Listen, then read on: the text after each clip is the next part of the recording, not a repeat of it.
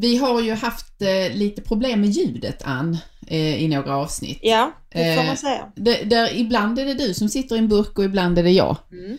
Eh, och det är vi väldigt eh, ledsna över att det är på det viset. Och nu har vi skaffat nya manicker som vi håller på att lära oss. Vi kallar dem manicker för vi vet inte riktigt vad de heter. Men Vi vet inte vad det är men vår, vår eminenta producent och tekniker säger att ljudet kommer att bli väldigt bra bara vi lär oss att hantera Ja. de här grejerna. så vi går en snabbutbildning i Ja. detta nu.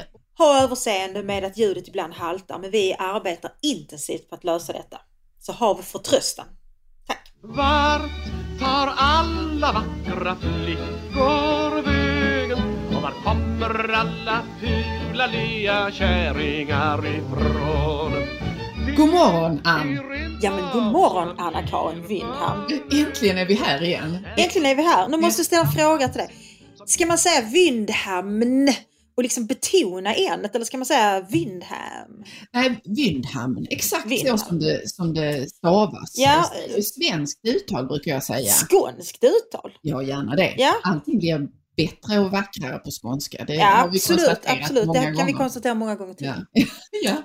Men ehm, eh, så Vindhamn och Heberlein. Precis, Vi inte len, line. Ja. Ja, Mm. nu är vi här. Eh, irritationer, finns det sådana? Ja, eh, jag, tänker, eh, jag tänker göra en dialektirritation. Ännu en? Ja, Ja. de tar aldrig slut. Nej, nej, då, vi, vi, Och än en gång så handlar det om att skånskan behandlas styvmoderligt. Ja, Mm. Eh, det har rasat någon slags debatt på kultursidorna ja. de senaste veckorna. Mm. Och det var utifrån den här trevliga boken om Maria Mansbach som vi hyllade när vi pratade om ja landsbygden. kan få lite extra som hyllning igen. heter Jag och Lucky Lada. Ja, Luck- Lucky Lada och jag. Lucky Lada och jag, precis. Ja. Den har ju denna förtjänstfulla författarinna naturligtvis själv läst in. Mm. Därför den berättelsen kan man ju icke läsa in på något annat eh, tungomål än skånska. Det förstår vem som helst. Ja, exakt. Jag tänker att om man, om man nu får läsa den med sin, sin egen röst Mm. i huvudet och man inte har begåvats med skånskt uttal, då tycker jag att man ska försöka tänka sig att det är ens Hugo Järegård som läser in sig inne i huvudet istället, för att då blir det rätt. Ja, det, låter bra. Och, om man läser själv och inte lyssnar på Mansbachs egen inläsning. Men då har jag sett att det har liksom funnits en diskussion. Det finns sådana här böcker eller på sidor på Facebook. Där man tipsar varandra om, eh, om ljudböcker eller hörböcker eller vad det nu heter. Och där en del säger usch nej, jag kan inte lyssna på en skånsk inläsare för jag förstår inte. Då tycker jag ni ska anstränga er lite att försöka förstå för så jävla svårt är det helt enkelt inte. Det har irriterat mig att människor tycker att skånska är svårt. Men sen har jag också blivit irriterad av att jag har blivit osynliggjord än en gång. Jaså? Därför att i diskussionen då om att det är svårt att förstå skånska, eh, böcker inlästa på skånska, så har man bara lyft fram Maria Marshall som om hon är den enda skånska författaren som har läst in sin bok. Ja. Men då vill jag berätta att jag har faktiskt läst in inte mindre än tre böcker på skånska. Oj, ja. Jag har läst in eh, min roman som utspelar sig i Borrby Mm. just faktiskt som Mm. heter Allt kommer nog att bli bra. Jag har läst in Jag vill inte dö, jag vill bara inte leva Mm. på skånska. Jag har läst in min bok om Hanna Arendt och det är faktiskt fyra böcker för jag har också läst in min senaste bok Fallet. ja. Men då vill jag fråga dig, när du läste in de här olika böckerna på skånska Mm. då, varierade du din skånska dialekt något beroende på om det utspelade sig i Borrby eller om det var där du tidigare bodde eller du körde samma? Alltså jag körde min egen. Ja, okej. ja. Jag är ju inte skådespelerska. Nej. Så jag gjorde inte så att jag gjorde olika... Där är så, I min bok om Hanna Arendt så är det lite dialoger mellan eh, Hanna och Heidegger. Då bröt du på tyska. Ja, kära lilla Hanna. Det la jag, nej det gjorde jag inte. Det kanske jag ska göra nästa gång. Lägga mig till. Fundera över hur skulle Heidegger låtit på skånska? Den kan vi tänka på. Ja, Så det har jag gått och sådär, det är liksom en, en småputtrig liten irritation. ja det. men det Ja. här, vi har ju faktiskt några kulturskribenter som tar strid för skånskan. Ja, här. Det- tack till dig Viktor Malm. Ja. Ja. det, det gillar vi. Ja. Jag kan också tycka Amanda Romares äh, bok som utspelar sig i Malmö, den heter något sånt. Eh, jag har legat med hälften av alla män i Malmö och resten har dumpat mig, eller något. Oj då, jag menar. Mm. Men det är i alla fall en bok eh, som handlar om dating i Malmö. Den är ganska kul och Mm. dråplig. Jag gillar den. Men den är inläst av någon jävla stockholmare. Jaha. Det förtar ju lite tycker jag av eh, glädjen. blir lite mindre erotik då. Ja, alltså skånska är ju sexigt. Ja, ja. Därför det är sexigt i Skåne. Och skåningar är sexiga. I alla fall skånskorna. Ja, absolut. Nu släpper jag över till dig. Nu vill jag veta vad har du irriterat dig på? Ja, nu blir det lite vett och etikettskola här. Ja, jag jag, var inne i eh, staden eh, för en tid sedan och gick i, genom Göteborg och Ja. dömer min förvåning när jag noterar att här spottas det till höger och vänster. Och nej. jag, jag tänkte så här, vad är detta? Har vi inte kommit lämnat det liksom grottstadiet när man går och spottar eller är tuggtobacken tillbaka eller vad är det frågan om? För jag menar, går du ändå på liksom en handelsgata där det är människor som skockas ganska nära, då kan jag tycka, då spottar man inte bara rakt ut. Så jag gick där och funderade på hur ska jag reagera på detta? Ska jag säga någonting eller inte? Då drog jag mig till minnes en, en av mina gamla gymnasiekompisar som irriterar sig på exakt samma fenomen för, för kanske för 30 år Redan sedan. då? Redan för 30 år sedan fanns detta. Och då brukade hon, när hon såg någon som spottade så, så sa hon alltid Fy fan vad äckligt! Alltså rakt ut till den personen. Det är bra, det är tydligt. Ja, det är väldigt tydligt. Ja. Och eh, man kan ju välja själv om man vill svära eller inte. Men jag tycker så här, kan vi inte tillsammans markera mot detta oskick av att gå och, och stänka saliv till höger och vänster. Om det nu är så att man snusar och får mycket saliv av det, sköt det snyggt. Ja, men en sak som jag funderar för, för många år sedan eh, i mitt tidigare äktenskap, jag var ju fordom gift med en präst. Mm. Och som den goda prästfru jag då var så bistod jag ju honom i konfirmandundervisning naturligtvis.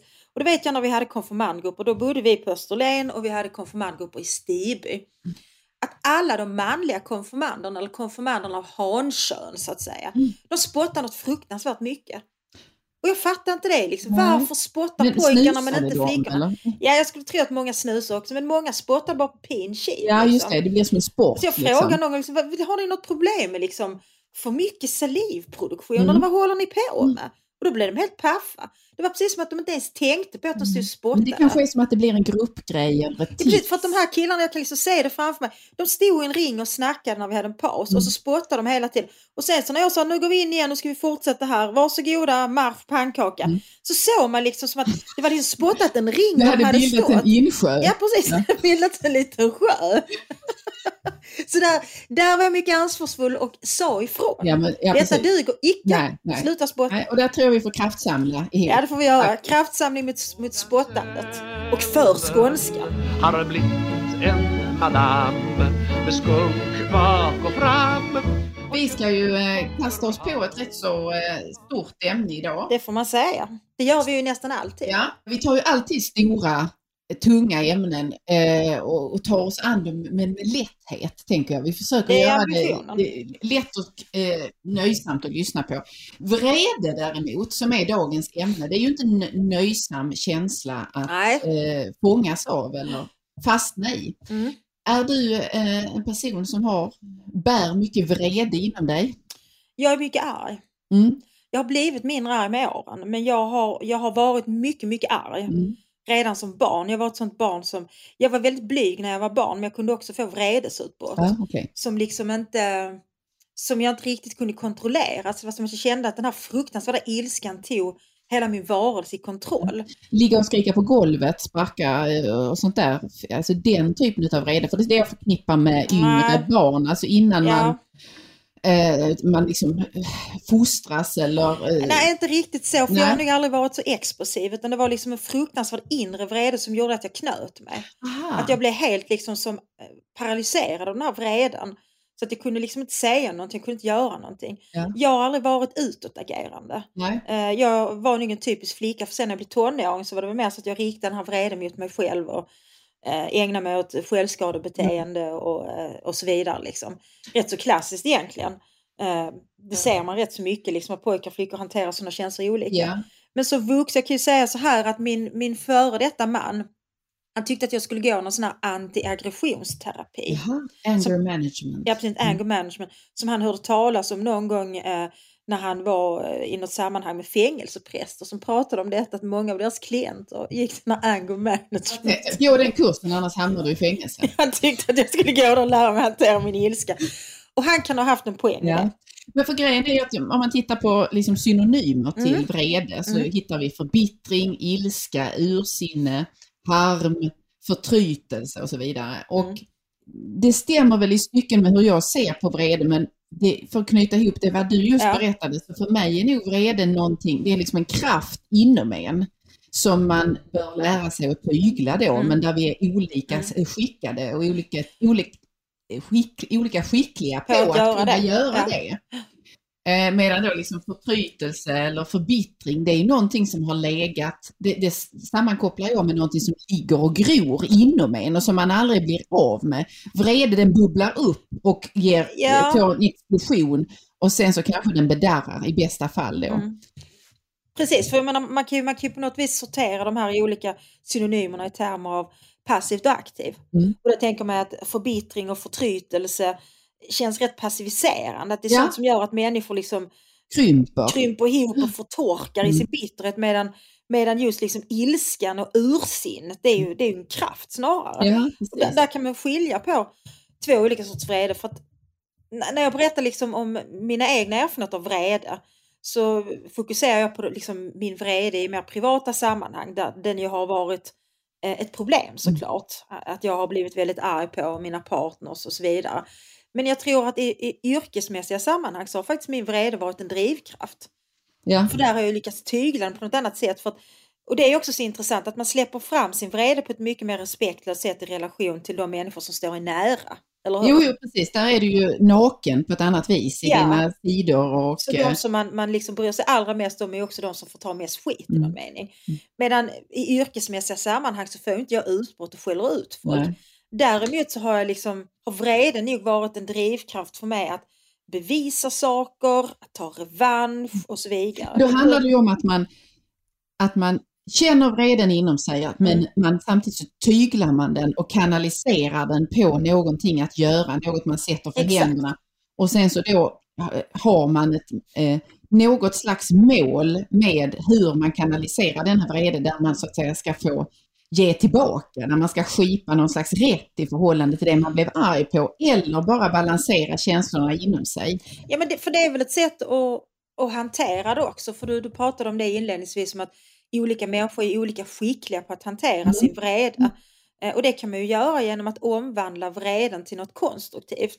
Eh, När jag började skriva för väldigt många år sedan så skrev jag väldigt många texter om sexuellt våld. Mm. Att Det var det som var det var det som gjorde att jag skrev min första text. Det var min vrede över en våldtäktsdom som jag tyckte var väldigt orättfärdig Ja. och som gjorde mig förfärligt upprörd. Ehm, och- då drevs jag av det. Mm. Att när jag blev arg över någonting istället för att liksom skrika eller sparka i en dörr så satte jag mig ner och skrev en text om det. Ja, Så så har jag lärt mig hantera min vrede på många Ja. sätt. För jag tänker att eh, om jag ska gå till mig själv och säga, har jag vrede inom mig? Jag, jag använder, jag säger ganska ofta till vardag och fest, nej, oberoende av vilken dag det är, så kan jag säga så här, detta gör mig provocerad. Varenda dag i veckan säger du det. Ja, det gör jag faktiskt. Varenda dag i veckan är det något som provocerar. Ja, Och det är faktiskt. ju, det, är ju därför vi har det här veckans irritationsmoment, Ja, ja. för att det ligger nära våra respektive personligheter. Att vi retar oss på saker, vi blir upprörda, Ja. vi blir provocerade.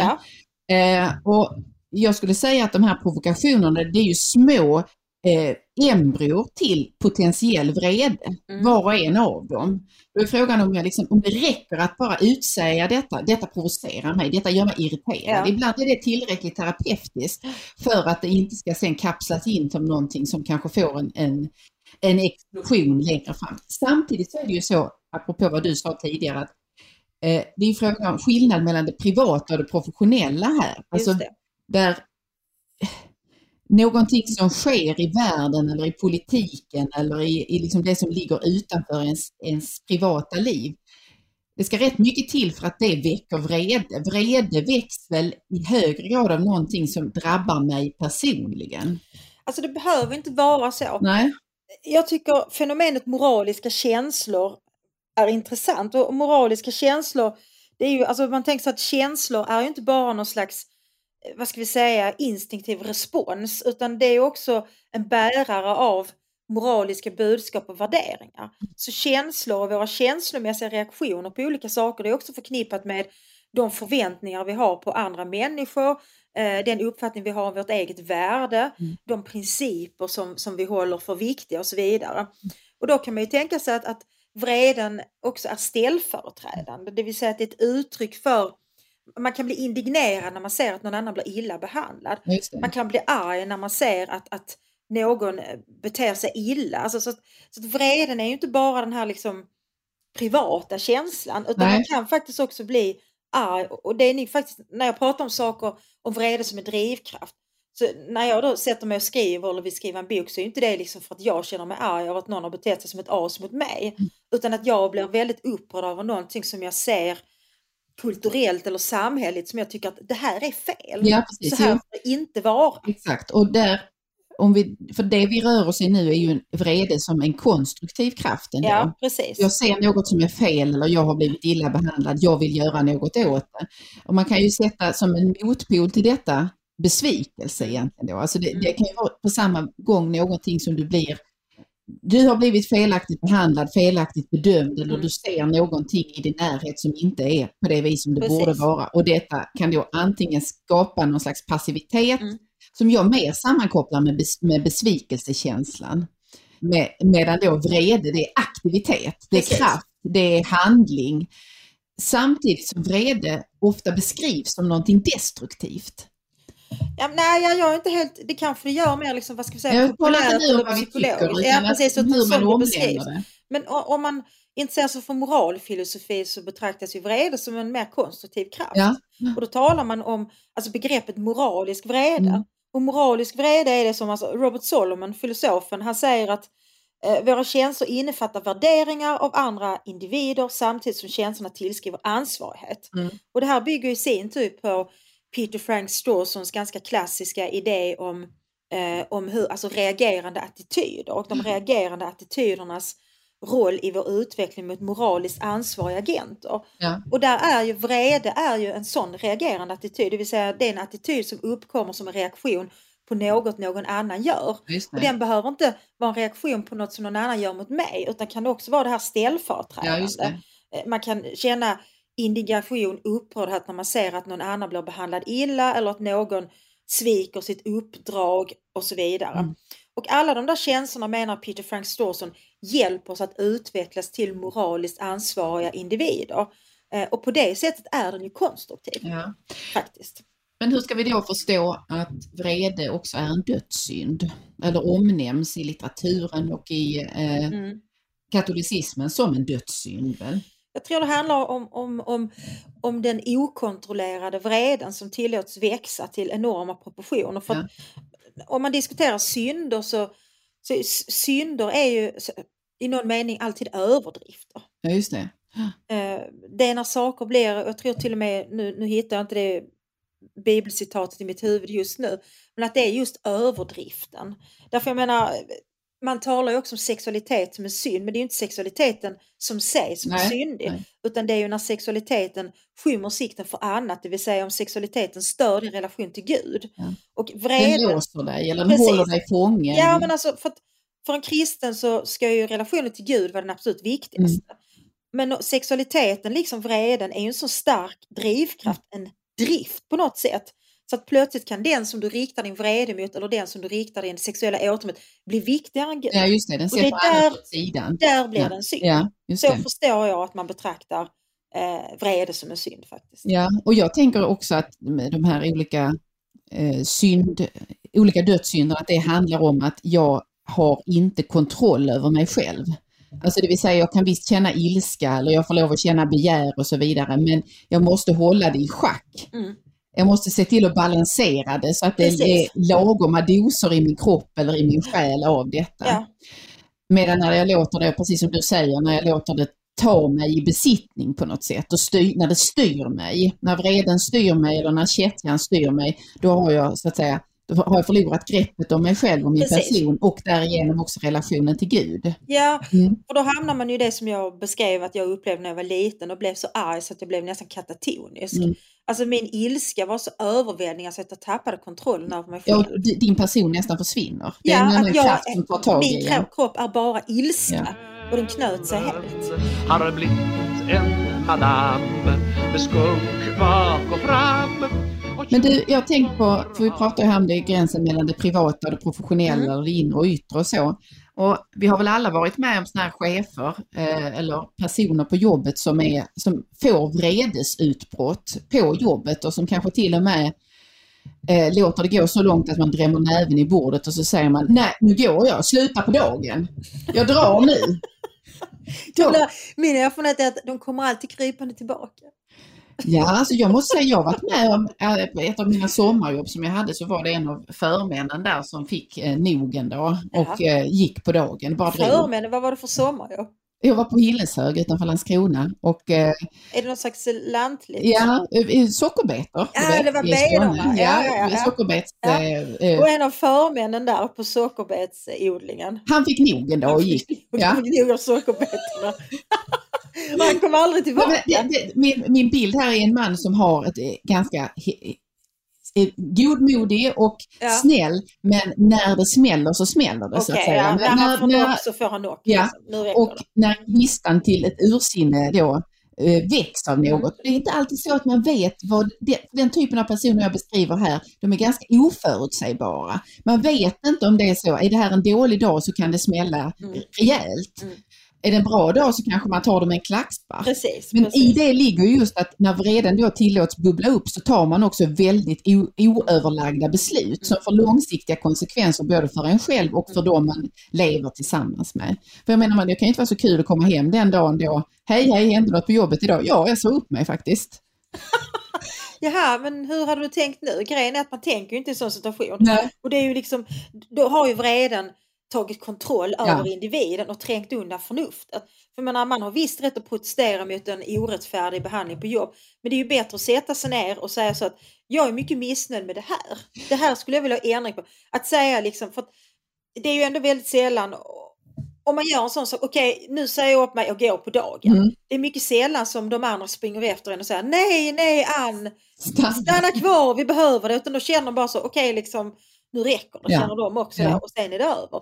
Och då står man där och ska försöka få ett nytt jobb. För hur, hur tråkigt man än tycker det är med sockerbetor så måste man betala sina räkningar. Ja, exakt. Men jag tänker ändå att det finns, man kan, det är li, hämta lite av den här eh, extremen ändå, Mm. därför att min erfarenhet samtidigt, givet de arbetsplatser jag har varit på, är att man alldeles för sällan ibland vågar säga ifrån. Men sen kanske man ska göra det med större finess och med lite mer eftertanke och planering än att bara drämma näven i bordet och säga nu går jag. Ja. Men vet, vi har ju talat en del om det här med konsensuskultur och att man är eh, i, lite till mans och kvinns rädd för att Mm. så att säga ifrågasätta ett beslut och kanske gå i opposition mot vad ledningen säger fast att man då instinktivt vet och erfarenhetsmässigt vet att det här, den här förslaget, den här omorganiseringen, det här budet de nu ger, det kommer försämra verksamheten. Mm.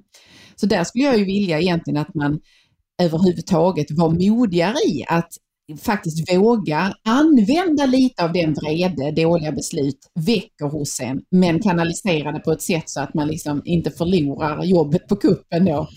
Jo, men- med på vad jag menar? Att det liksom, jag skulle vilja ha lite mer debatt, lite mer diskussion, lite mer djärvare.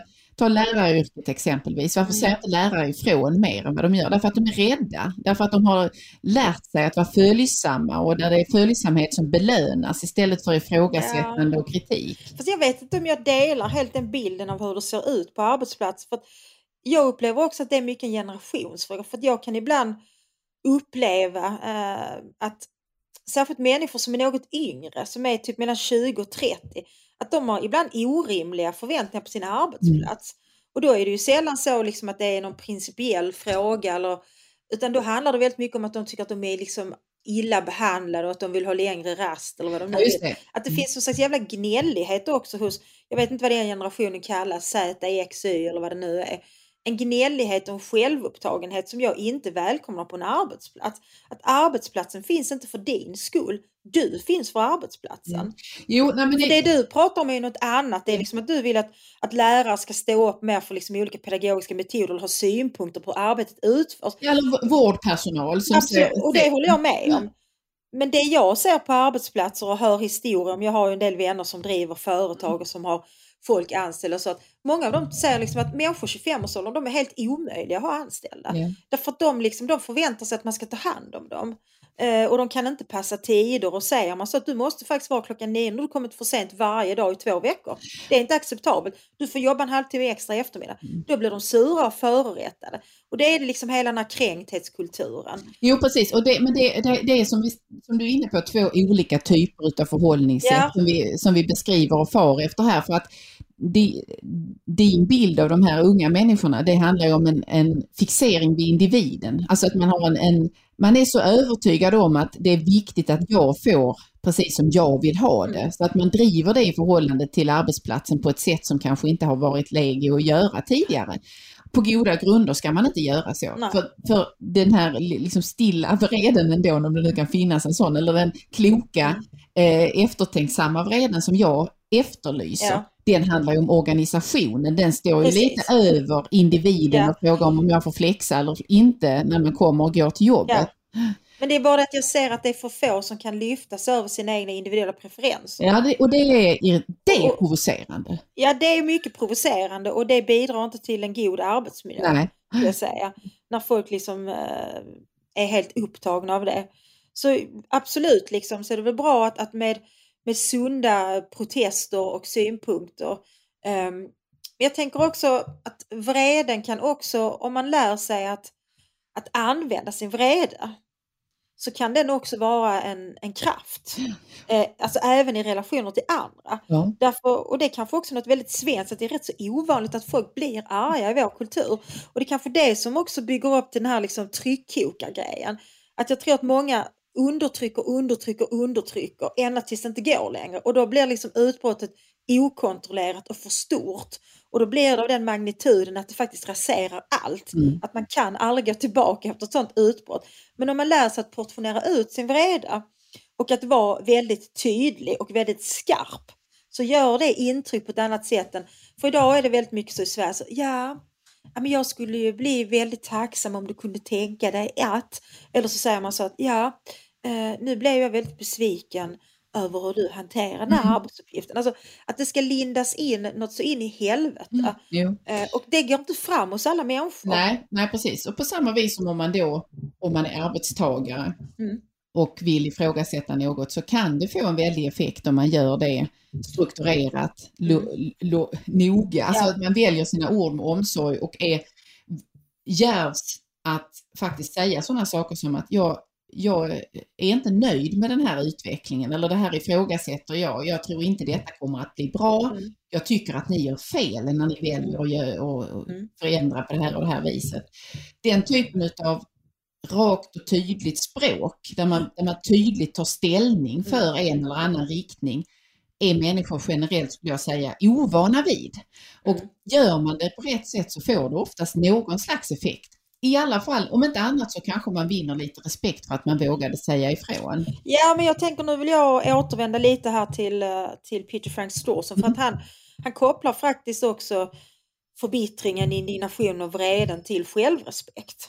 Att han menar liksom att eh, den moraliska vreden är också ett uttryck för respekt för sig själv. När, det är, när man blir arg över sånt som handlar om en behandling av en själv så att säga. Medan den som inte respekterar sig själv reagerar ju inte på att bli illa behandlad Nej. utan tar bara det. Precis som att indignationen, alltså eh, vreden över hur någon annan blir behandlad. Det är också ett uttryck för respekt för den individens värde. Och när vi liksom eh, tar det till ytterligare en nivå och man blir upprörd över orättvisor som man ser mer generellt i samhället. Då är det också liksom ett uttryck för en respekt för vissa principer och normer och värderingar. Mm. Och det tycker jag är ganska bra att koppla till vredesbegreppet. Att tänka att det faktiskt har eh, ett, ett, ett ursprung i respekt för sig själv, sitt eget värde för andras värde och för värderingar och normer som man håller för väsentliga Ja, just det. och som man vill liksom ska, ska råda i någon mening. För det finns också något hållningslöst, tycker jag, i att aldrig bli arg. Jag blir Ja. mycket misstänksam mot människor som säger att de aldrig blir arga. Jag tänker liksom, finns det ingenting som får dig att reagera? Finns det ingenting som jag kan... Ser du aldrig orättvisor? Upplever du aldrig liksom att du själv blir orättvist behandlad? Hur ser du på dig Mm. själv då? Mm. För Det är väl klart att vi alla ibland blir orättvist eller illa behandlade. Och då tycker jag att det är en plikt i relation till respekten för sig själv att reagera. Ja. Sen behöver man inte liksom lägga sig på golvet och skrika och skräna eller liksom ta upp en pistol och, och göra kaos, så att säga. men, men en markering är på sin plats Ja, när ja. man känner sig illa behandlad. Men, men vi brukar ju kasta en blick också på om det finns skillnader här, köns, eh, genusaspekten i det. Eh, I fråga om, och då tänker jag inte på om det är så att män eller kvinnor har olika lätt att eh, få utlopp för vrede, utan det jag intresserar mig för är om män och kvinnors vrede bedöms olika. Om vi ser några, kan vi se några mönster där eller är det till, finns det olika grader av tillåtenhet kring detta för män och kvinnor och vrede? Jag skulle vilja säga både och. Eh, jag kan nog uppleva att, att kvinnor som blir arga ofta förminskas till att konstrueras som hysteriska Mm. snarare än arga. Det vill säga att man ser inte att den här vreden faktiskt har sitt ursprung i en rättmätig attityd eller känsla eller uppfattning utan det är liksom ett uttryck för någon slags hysteri. Samtidigt kan jag också säga att kvinnor har ett större utrymme för att bli arga eftersom den manliga vreden också förknippas mer med våld. Ja, precis. det är ju ja. en, en aspekt av vreden som man inte liksom kan hoppa över i ett sånt här samtal. Att vreden kan ju också leda till handgripligheter. Mm. Precis. tänker på den nyligen teamade Oscarsgalan där Chris Rock stod på scen och skämtade om Jada Pinkett Smith Mm. som är gift med Will Smith. Mm. Eh, och paret Smith uppskattade inte detta skämt och jag tycker också att det var ett väldigt plumpt skämt där den här Chris Rock skämtade om att Jada Pinkett eh, har tappat sitt hår. Det det, hon det gjort- var ju inte heller så att det var ett synnerligen grovt skämt. Nej, det var Nej, det det var bara det var, det var ett ett, halvkast skämt. det var ett halvkast, det var inte särskilt roligt och det var lite oaptitligt.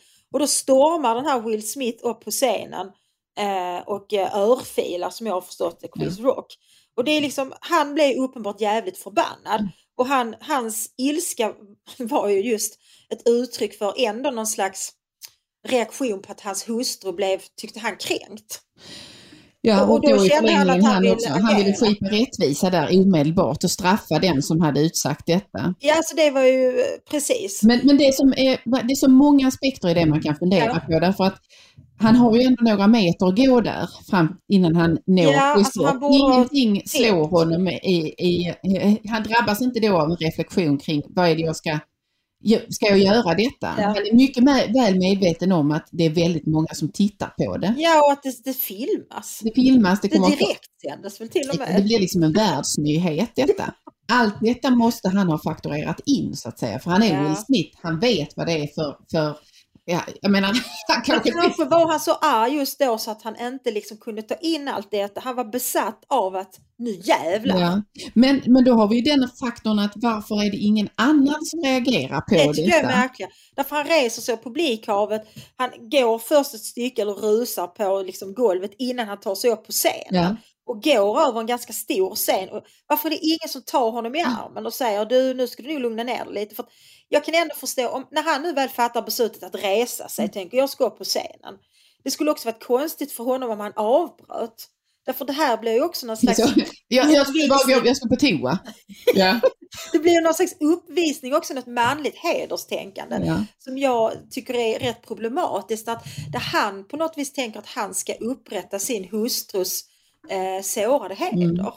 Eh, och det tänker jag att det kanske är bättre att överlåta det till henne. Ja. Men om det hade varit så att en annan, Will Smith hade gått samma promenad men han drog av sig byxorna och visade rumpan när han kom upp på scenen istället. Då är jag säker på att han hade blivit bortplockad. Eller om det var en, främ, en, en okänd människa som gjorde något liknande. Då Ja. hade ju säkerhetsvakterna vakterna kommit in Ingripit mycket tidigare. direkt plockat Ja. bort vederbörande och vederbörande hade inte fått vara kvar inne i galalokalen längre. Så det märkliga här är ju att hans stjärnstatus också gör att han får som en kejsare gå fram och eh, direkt skipa rättvisa Ja. mot den han dömer har felat. Mm. Så apropå vad vi kopplar till dödssynd och liknande, där när man, över, man, man sätter sig själv över Gud. Precis. Det är exakt det han gör här egentligen. Och han gör det i, också i åsynen av hela världen. Alltså det finns någon, någonting lite... Låt mig, låt mig ändå säga så här, eftersom jag själv är en väldigt argsint person. Ja. Jag förstår varför han gjorde det. Mm. Jag skulle kunna göra samma sak, Mm, men det betyder inte att jag tycker det är rätt. nej. För det var fel av Will Smith. Men jag kan känna sympati för hans reaktion för jag tror att jag skulle kunna reagera på samma sätt. Att jag kan bli så förblindad av ilska. Eh, en, en incident, eh, jag och min, eh, min make var i Göteborg i somras. Så kommer vi gående längs Avenyn, vi ska gå ut och äta, är på gott humör. Så kommer det fram någon, någon eh, person av eh, hankön i kanske 30 och så, så säger Du, hallå gubben! Eh, kan jag få en cigarett eller? Jag blir så jävla förbannad. Så säger jag, vem fan kallar du gubbe? Alltså Erik sket ju i det. Ja. Att någon kallade honom gubbe. Men jag blev så upprörd av att han Oj. kallade min man Ja. gubbe. Ja. Därför jag tycker det är ett nedsättande uttryck. Jag. Jag gav honom inte en örfil, det vill jag betona. Jag hör att du kan inte gå på Oscarsgalan. Nej, jag kan inte. Jag kommer aldrig bli bjuden på några galor. Men jag blev så arg. Ja. Så Erik han men skit i det så nu går vi vidare. Men jag Mm. kunde inte släppa det. Därför jag tyckte att det var, och det var ju inte riktat mot mig. Det var ju ungefär som i paret Smith situation. Fast deras var ju mycket uppförstorat för att det var direktsändning, massvis med folk. Eh, Vem vet hur liksom mycket Jada Pinkett Smith har liksom sörjt över sitt tappade och så vidare. Vi har ingen aning om det. Så ja, jag kan förstå att han gjorde det. Men än en gång, det var ändå fel. Mm, mm, Faktiskt. Han, Ja, det skulle jag liksom, han kunde ha protesterat med lite mer finess. mm. Nu är den stora färgfesten i full gång hos Nordsjö Idé och Design. Du får 30% rabatt på all färg och olja från Nordsjö. Vad du än har på gång där hemma så hjälper vi dig att förverkliga ditt projekt. Välkommen in till din lokala butik. Nordsjö idé och design. Av midjan så smal Så att royal Men om vi ska försöka få in könsaspekten här. För nu, man får väl ändå säga att majoriteten av alla som har kommenterat detta, och det är icke få, Nej, det är många krönikor som blev till. Många krönikor eh, har eh, fördömt Will Smiths Ja. agerande.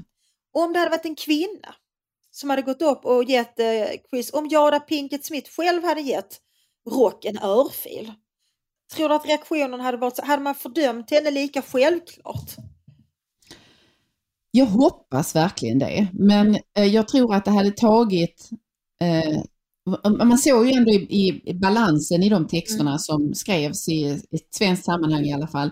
Där fanns det ju ändå de som tyckte heja Will Smith. Liksom. Det fanns ju några röster Mm. som, som eh, bejakade det han gjorde så att säga. Jag såg det som ett, eh, man ska inte ta skit eller något sånt där liksom. Men jag tror att där hade det varit Eh, Jada Pinkett Smith som gjorde det själv så hade det funnits fler röster som kom till hennes försvar. För då kanske man hade den här typen av ganska krystade analyser att det här är ett bevis på att män och kvinnor nu är helt så att säga jämlika. Att hon går upp själv och gör detta. Hon kan liksom försvara sig själv och sin kropp. Eh, jag hade dock haft samma uppfattning om hela det här förloppet som jag har nu, nämligen att det är fel att göra så. Ja, men jag håller Ja. med dig. Men jag tror att reaktionerna delvis hade varit annorlunda för då har man också gjort någon jävla maktanalys. Ja, men det är det jag menar med nu var det också så att alla de här tre inblandade är svarta. Mm. Hade en av dem varit vit så hade också maktbalansen rubbats i någon mening. Låt säga att Chris Rock hade varit vit. Mm. Eller om Will Smith hade varit vit. Då tror jag att reaktionerna varit ännu starkare. Absolut. För då hade det funnits de som hade velat tolka in i, även det i den här Ja. reaktionen och så vidare. Så alla de här sakerna påverkar ju hur människor bedömer situation. Och om jag får återvända till Pete Frank Strawson igen så säger han liksom att, att när vi blir arga och upprörda av vad någon annan gör så är det också en spegling av vad vi har för förväntningar på den här personen. Mm. Jag menar om ett litet barn liksom om en två... Fäktas och slåss. Ja, om ett litet barn fäktas eller om ett litet barn ritar på väggen där hemma. Då säger vi till barnen så, vi ritar inte på väggen utan du får ett papper, gör inte om det. Mm. Men om vår tonåring ritar på väggen, skriver fuck you eller vad det nu kan vara, cannabis is life, vad som helst. Då blir vi ju riktigt förbannade. Mm. Eftersom en tonåring vet att man ritar inte på väggarna. Men det vet inte en tvååring. Nej. Så därför så speglar också våra reaktioner också en, en värdering av den här människans moraliska agentskap och hans eller hennes omdöme. Jo, nej, men också att det är i ett visst sammanhang, så som en gala eller ett, en arbetsplats eller en tillställning, en fest, vad det än är, så finns det vissa spelregler som man förhåller sig till. Och grundpremissen på Oscarsgalan är Världen skämtar om gästerna. Världen skämtar Ja. om de som sitter Man vet som det när man går dit. Det är premissen. Ja. Och en kritik har ju varit på senare år att man har blivit så försiktig i skämten därför att alla kan bli kränkta, alla ja, precis, ingen vill få sina ömma tår trampade på och så vidare. Och som sagt, det här var inte ett så särskilt grovt skämt och Nej. ändå så får det den orimliga liksom, så att säga, konsekvensen som, som utspelade sig där. Men det, det som jag tycker är en speciell, ett, ett, liksom ett tecken i tiden är ju också att vi omges av så otroligt mycket vrede men väldigt mycket av den utspelar sig då på i sociala medier. Där Framförallt, finns det mycket vrede. framförallt på Twitter. Jag är inte mycket på Twitter, eh, mer än att jag liksom kollar av vissa så här eh, Nej, eh, jag, jag, jag, resonemang och sådär. Jag är inte alls på Twitter längre heller. Jag hade ju en ganska stor följarskara men jag, jag mådde så jag mådde faktiskt väldigt dåligt Ja. av det för att jag, jag liksom varje gång jag skulle du vet det plingade telefonen och så tänkte jag måste gå in och kolla och då var det alltså jag fick ont i magen av Jo, det. för, för det jag tänker med Twitter som är signifikativt för det, det är ju att i vanliga sociala interaktioner så är vreden, den ligger ändå, du måste triggas ganska länge, ganska systematiskt innan det slår över i någon Ja. slags vredesutbrott.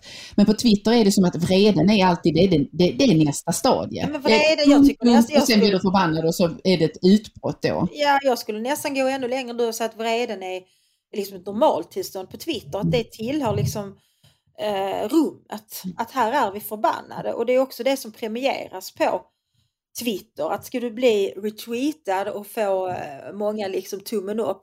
Då ska det ofta vara en oförskämdhet mot någon annan eller liksom man ska dra ner byxorna på Ja, något vis. Eh, och kommer man då liksom från det politiska läger som jag tillhör så ska man gärna skriva något oförskämt om miljöpartist och då får man många ryggdunkningar. Mm. Liksom. Mm. Och jag gillar inte det därför att det premierar också alltså någon slags intellektuell ohederlighet, det premierar överdrifter, det, det premierar förakt. Och jag, blev, jag vet liksom flera gånger när jag, när jag fortfarande fanns på Twitter, jag kommer ihåg när eh, Annika Strandhäll, hon var väl socialminister då, hennes, eh, det blev offentligt att hennes man hade tagit livet av sig. Alltså de fasansfulla saker som skrev det gjorde mig förskräckt och förfärad. Jag tappade ännu en bit av min tilltro till mänskligheten som, eh, som grupp så att säga. Ja. Att Det, var så det var så hemskt.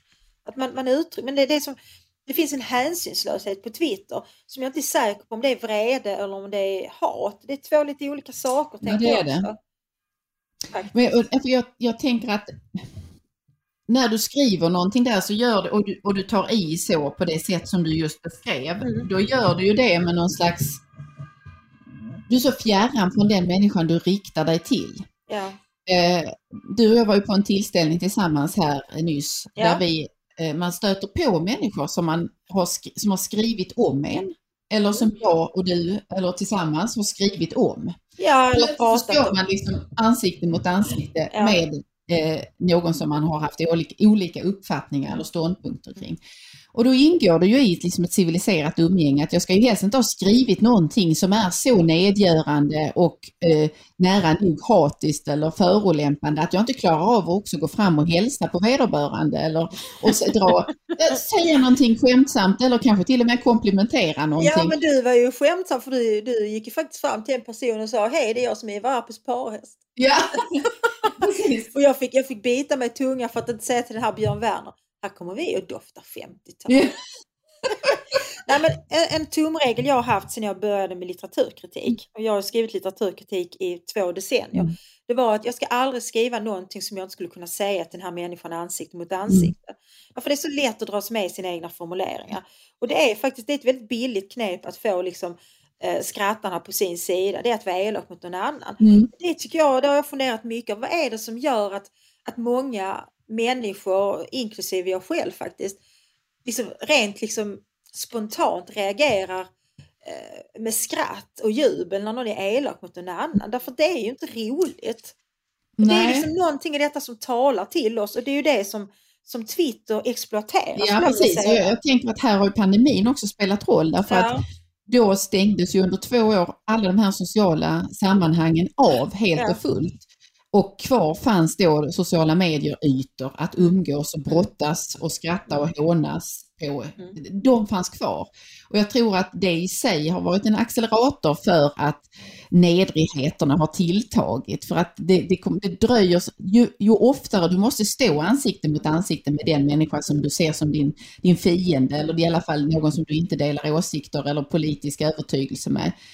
Du behöver det för att ändå mildra dig eller för att se att det finns ju en människa här bakom.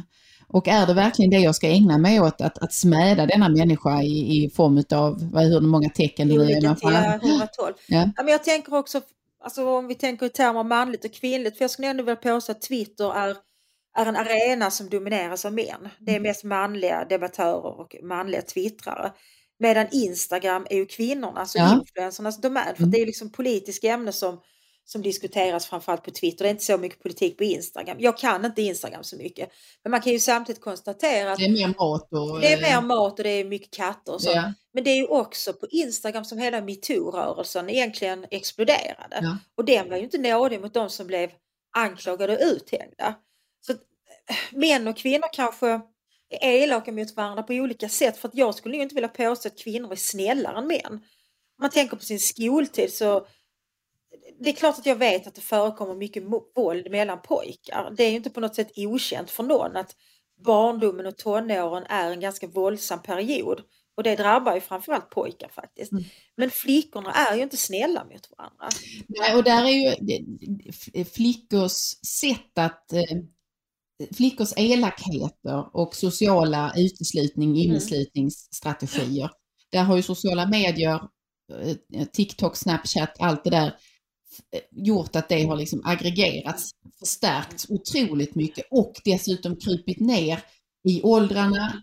Därtill, alltså jag menar, de som är utsatta för den typen av uteslutningar, tidigare kunde det koncentreras till skoltimmarna. Mm. Övriga timmar var det, det tämligen lugnt. ja. Ja. nu är det dygnet runt och du kan också bli eh, ofrivilligt indragen Mm. i konflikter bara för att någon annan är uttråkad och inte har någonting att göra. Och så eh, är det någon som tar en skärmdump på något du har lagt ut eller något du har skrivit, förvanskar det och Ja. sprider det. Och det är alltså den typen av historier jag hör via min dotter är, får mig verkligen att tappa, nästan ibland tappa tilltron och hoppet till att det här kommer att bli moraliskt eh, sammansatta och kompetenta vuxna individer. Därför att om man färgas av infärgas så tydligt av hur mänsklig interaktion ska gå till, hur man ser på de som är nära i klassen. Den är så destruktiv och så ständigt ute efter att hitta något sätt att jag kan sätta kniven i dig, där jag kan skada dig, där jag kan göra ner dig. Det är liksom, det, det gör mig så nedslagen verkligen när jag ser dessa unga flickor bete sig på det sättet. Ja, det är tråkigt men för att återvända till ämnet så tror jag inte att det är ett uttryck för vrede. Nej, det är nog Det är ett uttryck uttryck för för sysslolöshet. Jag och tror för, faktiskt att tristess och sysslolöshet tror jag är ursprung till väldigt mycket Men- elakheter och hat och så vidare. För jag, faktum är att jag själv vid något tillfälle när jag varit riktigt uttråkad har satt igång ett gräl med min man. ja, men Därför tiden går väldigt fort när man grälar och det är ju väldigt destruktivt. man får en liten kanske energikick Ja, man får också. en liten energikick också. Att jag liksom börjar provocera, provocera Ja. egentligen. Tills Men- jag hittar någonting som han blir irriterad över. Men jag tycker en, ja, jo, absolut, men jag tänker att man kan knyta ihop det vi talade om innan med vrede och Ja. med den moraliskt kompetenta människan. Därför att i det vi berörde vi tidigare så förutsätter ju att, eller, det finns ju en förutsättning att föräldrarna tyglar barnen, att de fostras till att kunna behärska de här olika vad säga, avarterna av känslotillstånd som vi rör vid och hur man förhåller sig till andra människor. Och det där Gör man inte det eller sätter man inte upp någon slags restriktioner kring detta så tror jag att man skapar en slags svaghet hos dessa unga flickor Jo, men som det handlar om. Men jag tycker vi är dåliga på det i Sverige för det finns ändå liksom någon slags i svensk kultur så låtsas vi som att vreden inte finns. Mm. Alltså vi tycker på något vis att vrede är opassande. Jag vet jag kan, jag kan bli väldigt arg i debatter och, och min man säger alltid till mig innan jag ska in i en studio så liksom bli nu inte arg därför den som blir arg först förlorar. Mm. Och det tycker jag är en väldigt svensk inställning. Att den som blir arg avslöjar sig, att man, man, man Tappar vill lite masken. för mycket, man tappar ansiktet, man känner lite för mycket. Jag håller inte med honom. Det beror på på vilket sätt man blir arg. För jag tycker också att en, en, en tyglad ilska kan också signalera att jag tar detta på mycket stort allvar. Detta är en fråga som jag tycker är mycket viktig. Och det är ju något annat än att stå liksom och, och sticka till den andra, för det tycker jag är fult, det ska man inte göra. Men, men man kan väl, tycker jag, bli arg så länge som man inte liksom börjar skrika och, och bete sig illa på olika sätt. Men den inställningen, alltså det här att den som blir arg först förlorar, tror jag är, är destruktiv just när vi pratar också om hur vi förhåller oss till barns ilska. Att, att istället för att lära barnet att kontrollera ilskan och använda på ett bra sätt så ska ilskan förvisas som om den inte finns. Ja, det. Men Mm. den finns ju kvar Mm. inom oss. Mm. Och jag tror att det som du beskriver med de här liksom elakheterna på TikTok och andra ställen. det kan ju skapa en fruktansvärd vrede hos den som blir utsatt. Som förr eller senare exploderar på ett mindre bra sätt skulle jag vilja säga. Ja, precis. Så jag tror också att det finns en poäng att, att pysa ut sin vrede innan man hamnar i någon slags falling down moment. Ja, Minns precis. klassiker med Michael Ja, Douglas. Han var jävligt arg. Allting hade gått emot honom. Liksom. Han hade väntat för länge med att låta det Det är pysa det jag ut menar. Han hade gått omkring och känt sig liksom eh, kuschad och stressad och Och både samhället, familjen, Samhället. jobbet. Ja, precis, chefen, frun, barnen, samhället. Alla bara tjatade, Bilen. ingen var nöjd. Bilhelvetet eh, startade inte, Ja. kön tog aldrig slut, kaffet smakade dåligt och till slut tappar han. Ja. Han tar väl fram ett vapen och börjar skjuta omkring sig om jag inte minns fel. Det är en mycket bra, eh, en mycket god rollgestaltning är, Michael Douglas. ja, ja, det, Ja. det är den. Det, det är en, faktiskt en, kl- verkligen en klassiker. Ja. Eh, Den står sig än idag. Har, vi, har vi fler eh, exempel från fiktionens värld på vrede och ilska? Ja, ja, vi har Selman Louise, apropå det här med nu. eh. Falling Down är ju väldigt Ja. mycket en, en eh, manlig undertryckt vrede. Ja. Eh, kontorslavens vrede kan man väl säga. Kontorsslaven som till slut får något. Ja. Ungefär som din eh, beteodlare. Ja, ja. Förmannen där. Medan- Förman har tack och lov inget vapen. Nej. En betacka kanske. Uff, det hade kunnat bli riktigt kladdigt. Blodet sprutar över betorna. i Den skånska myllan. Ja. Ja. Men eh, Thelma Louise är ju en, eh, däremot en feministisk klassiker brukar man Ja, benämna den som, som ju också har våld i sig. På, Precis, det är en vrede som verkligen har sitt crescendo i våld. Det är väl ett antal män som stryker med. Ja, och där grunden handlar då om att eh, en av dem blir utsatta för ett sexuellt Ja, övergrepp, en precis. våldtäkt. Ja. Mm. Eh, varpå de ska skipa rätt, rättvisa för detta. Mm. Och lyckas väl, men blir ju så att säga eh, fångade och den här klassiska jakten igenom. Ja. Eller de blir jagade ska jag säga. Eh, och där, där finns ju också detta element av att det är en ackumulerad vrede. Alltså det är ju inte bara den är oförrätten som liksom- sker. det händer en oförrätt, pang, de blir arga. Utan det är snarare så att de har, alltså båda två har ju alltså, stora erfarenheter av svinaktiga män. Ja, och de har levt kursade och Ja. tillbakasatta och så vidare. Ja. Och nu, det är ju det som är det vackra i den berättelsen, att på samma gång som de blir fångna i brottet de har begått, så blir de för varje steg, för varje mil de kör i den där skevan, eller vad det nu är för märke på bilen, så blir de också friare. Precis, när de, när de på något vis distanserar Ja. Jag tänker på en hondjävuls liv och lustar, kommer du ihåg den? det är roligt. Det är väl baserat på Faye Weldons roman med Ja, samma namn. precis. Och det är ju lite samma tema, så det är ju en, en kvinna över medelåldern, eh, ganska rultig och satt liksom en sån här kvinna som man knappt ser. Hon är inte superattraktiv. Nej det är hon inte och hon liksom, ja, hon knuffas runt av alla. Svärmodern, sin mamma, sin chef, sin man. Alla liksom kräver en massa saker av Mm. henne men hon får väldigt lite uppskattning. Sen det som utlöser hennes liksom hämndodyssé det är väl att mannen har en affär tror jag. Ja, Ja, och det är väl Meryl Streep som man har den med, är det inte så? det kan nog stämma. Ja, Ja. och hon är ju väldigt attraktiv. till skillnad från den här, jag kommer inte ihåg vad hon Roseanne Barr. Just det, Ja. Roseanne Barr. Hon är jävligt rolig i den rollen. Ja. Och det är samma sak där, att det är ju inte liksom mannens otrohet som gör att hon plötsligt blir galen av vrede, utan det är alla de här små, små sakerna som hon aldrig har protesterat mot. Mm. Det finns ett citat i boken, eh, något så här, Love and forgive my mother told me, Mm. eh, är liksom den stora gåtan eller lösningen på något vis. Att man ska älska, man ska förlåta, man ska älska, man ska glömma. Och hon älskade och hon glömde och hon förlät och så vidare. Ja. Tills hon en dag kände att nu får det fan vara nog. Så att, som sagt, vi, vi har många argument här för att släppa ut lite lagom av din vrede då och då så att du inte blir en hondjävul eller en Michael Douglas.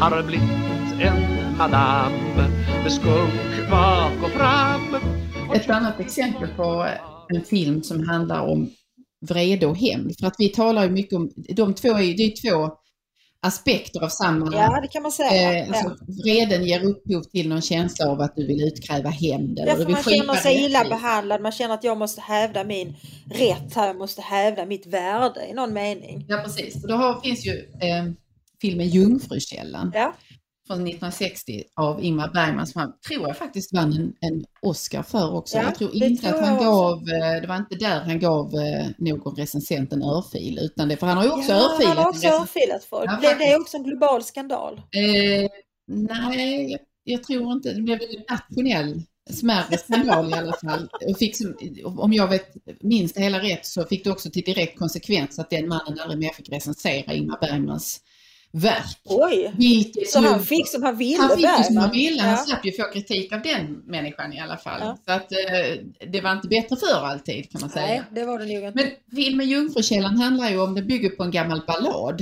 Eh, och där en ung kvinna eh, våldtas och mördas eh, i skogen. Mm. Och till hennes hem, eh, där fader och moder och, övriga bor, eh, fadern spelas av Max von Sydow, dit kommer de här eh, rövarna, de Mm. som eh, tog hennes unga liv och söker skydd och får mat och så vidare. Och så går det upp för pappan under deras vistelse där att det här är min dotters mördare. Aha. Det är min dotters Ja. banemän och han bestämmer sig för att utkräva hämnd. Mm. Eh, vilket han gör. Men slutar det i att han bygger en kyrka där dottern blev mördad. Om jag På den platsen, Ja, på ja. den platsen. Och som jag ser filmen så handlar det liksom, det är tre poler. Det är då vrede, hämnd och försoning. Ja, och de tre sakerna hör ju ihop Ja, på olika precis. sätt. Ja, Mm. Intressant det där med att bygga en kyrka för att eh, i Borrby där jag bor finns det något som heter Sisselas källa. Mm.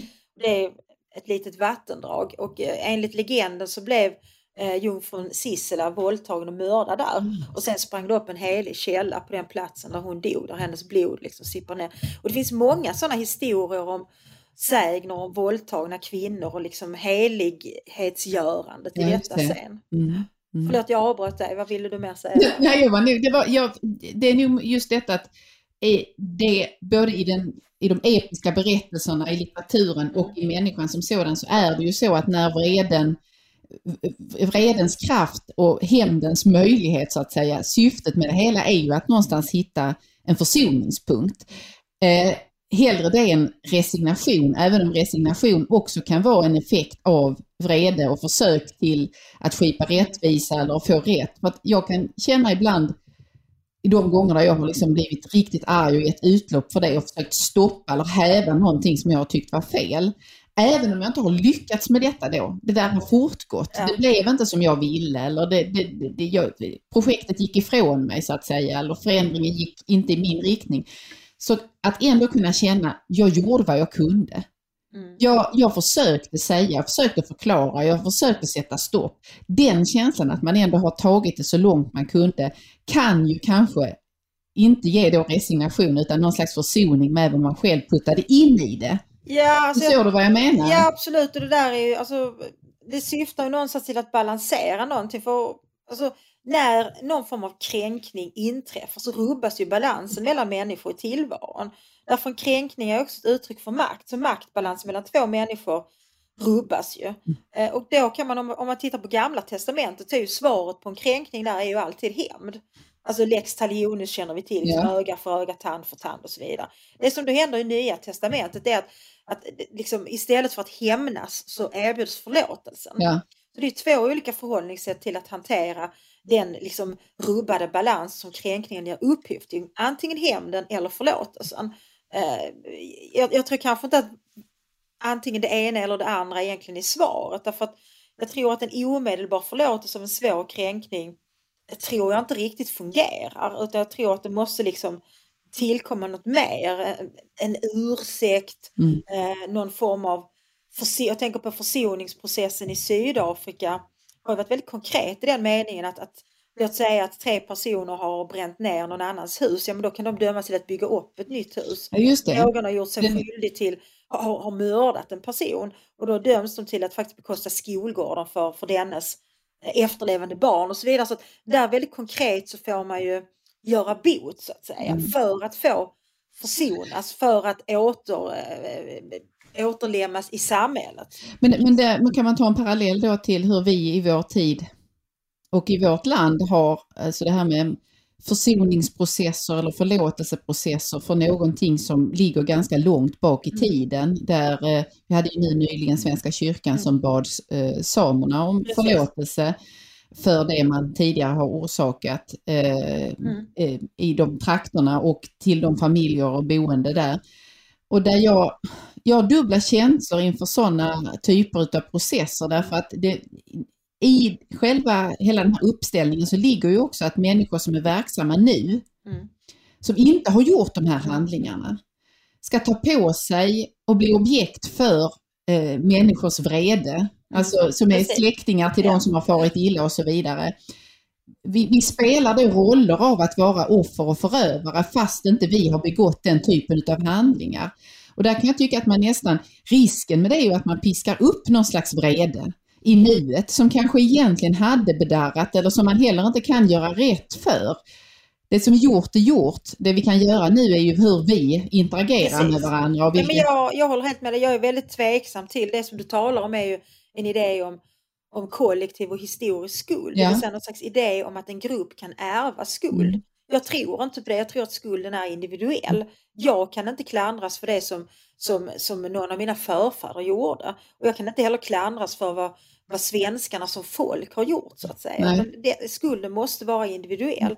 Men jag tänker att det faktiskt är ett annat program. Ja, det det. det här eh, begreppet vrede, det, det mynnar ut i ett antal liksom, vad ska säga, fenomen som är närbesläktade som, som hatet och som hämnden. Men också de responser som man kan använda för att möta eller mota vreden som förlåtelse och så vidare. Eh, så jag tänker att vi fortsätter samtalet i ett program. Kanske med tema förlåtelse eller tema Precis. Eller skuld. någon av de andra dödssynderna ska vi också ge oss på. Ja, det finns många dödssynder vi kan ge oss på. Ja. För det är nog dags nu att knyta ihop säcken som du brukar säga. Ja, men jag tycker väl att vi uppmanar ändå våra lyssnare att eh, hantera sin vrede med stil. Ja det tycker jag. Eh, Undvik ett falling down mo- moment. Undvik att bli en honjävel även om det kan vara både lockande och befriande kanske. Se till att pys ut din vrede lagom mycket. Och hitta också ett sätt att hantera det. För att jag älskar att du blir så arg Anna-Karin. Om jag ringer dig och är upprörd över någonting då är du minst lika upprörd. Ja, ja, ja. Jag, Ja. jag, jag kan bli upprörd av dina vägar Ja. också på ett litet ögonblick. Och då blir jag bekräftad Ja. och sen kan vi vara väldigt upprörda intensivt men kort Ja. och sen går vi vidare. Och så Men kan vi så- skriva i versaler. Ja precis, i versa. Många utropstecken och arga gubbar. Men om jag säger till min man, detta är ju inte klokt, då säger han bara så, "Ah, det var väl inte så farligt. Och då blir jag ännu argare. ja, precis. Man vill att någon ska se ens vrede. Precis, och bejakande och säga att det, det, din vrede är helt rättfärdig. Ja. Och så gör, ger man utlopp för det ett par minuter och sen kan man släppa det och så kan man gå vidare till väsentligheter. Så hitta också gärna någon person som, som matchar dig i liksom vredesintensitet. Som du kan eh, liksom Då blir vreden vrede. ett eh, lust Ja, för det kanske fullt blir så att, då skriver man en text om detta. Ja, Till exempel. Ja. Eller gör ett program. ja. Ja. Hörni, tack så mycket för att ni lyssnade. Vi hörs igen nästa söndag. Hej då! Hejdå! Vart tar alla vackra former vägen? Och var kommer alla hakorna på makorna ifrån?